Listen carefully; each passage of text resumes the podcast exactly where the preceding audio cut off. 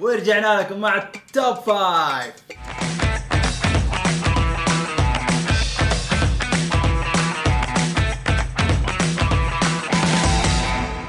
سلام. معكم سلطان سامي واليوم حنستعرض معاكم top five أهم خمسة استراتيجيات يطبقها ممارسي العلاقات العامة في المؤسسات الرياضية. أندية كرة القدم تعتمد على مستويان من إدارة المصالح.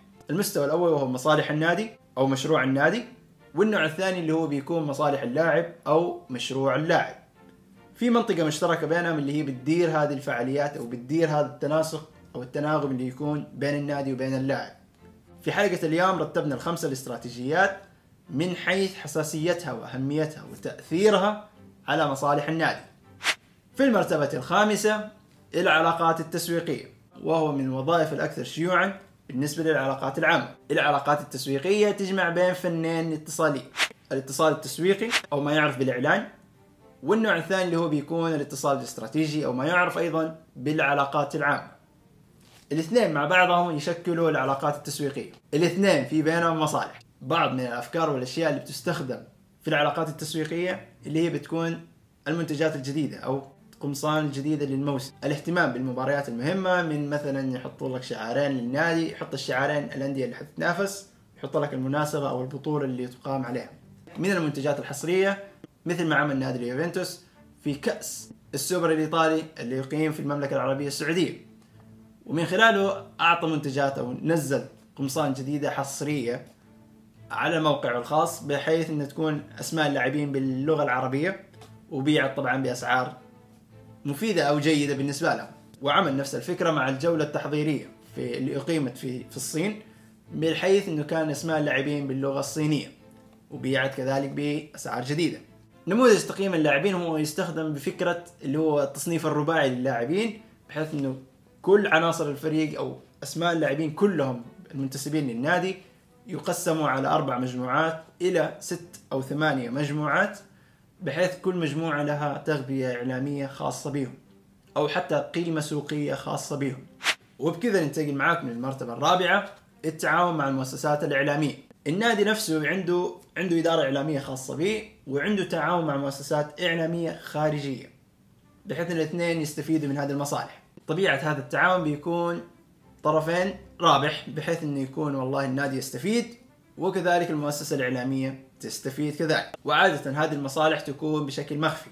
يعني أنت هنا ما بتعرف كيف بشكل رسمي أو معروف إن هذه الشركة هي أو هذه الصحيفة الإعلامية دائما داعمة للنادي الفلاني أو أنشطة الأندية الفلاني. من أهم وأبرز هذه الأندية اللي بتستخدم هذا النموذج نموذج التعاون مع المؤسسات الإعلامية نادي ريال مدريد. الجوائز اللي بتصير من أبرز الجوائز اللي هي جائزة الكرة الذهبية اللي معروف إن هي تدعم أو تصوت أو من خلال اللجنة اللي تصوت اللي هي بتكون صحفيين. واحد من أفضل الأساليب اللي بتستخدم الأمثلة اللي هي استراتيجية أو فكرة إشاعات انتقالات اللعيبة أو حتى مثلا الجانب الفني أو الجانب الإداري. زخم المباريات والزخم الإعلامي لحشد الجماهير لحضور المباريات هي واحد من الاساليب المستخدمة من قبل المؤسسات الإعلامية لأنها لها فوائد ولها مصالح كثير.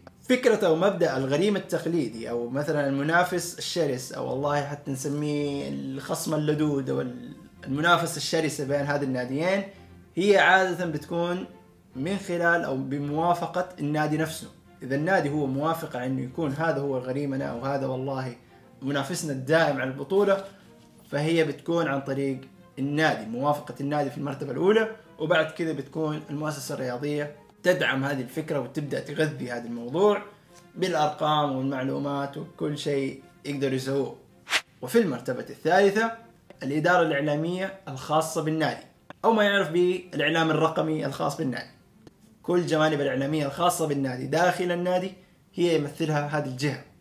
القنوات والمنصات الإعلامية اللي يحددها النادي بكل تأكيد لكل منصة لها محتوى خاص بها. الظهور الإعلامي واحد من أهم الأسباب ومن أهم الأشكال اللي تستخدم في أعمال الإدارة الإعلامية للأندية الرياضية اللي هي التغطية الحصرية إنجازات اللاعبين وأدائهم في المباريات المؤتمرات واللقاءات. الإدارة الإعلامية لها برضو جوانب كثير تستخدمها. هي جوانب استثمارية أو جوانب تسويقية.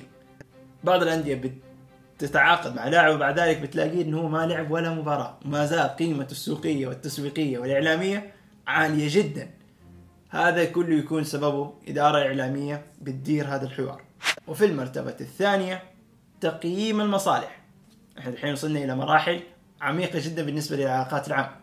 تقييم المصالح هو لا يبحث عن عن القيمة والسعر بقدر ما هو يبحث عن كمية الفرص الموجودة في هذه الفعالية وهذا العرض. لما النادي بيسوي أعمال مثلا مجتمعية أو أعمال مثلا اختياره في المعسكر التدريبي إنه يكون في منطقة فلانية في هناك مصالح دائما في مصالح. مصالح مثلا مالية مصالح والله تسويقية مصالح السوبر الإيطالي والسوبر الإسباني إنك تلعبه خارج دولتك. برضو هذه فيها تقييم مصالح للناديين وبالنسبة للاتحاد الرياضي نفسه. والدولة المستضيفة كمان هي لها برضها مصالح في هذه الجوانب.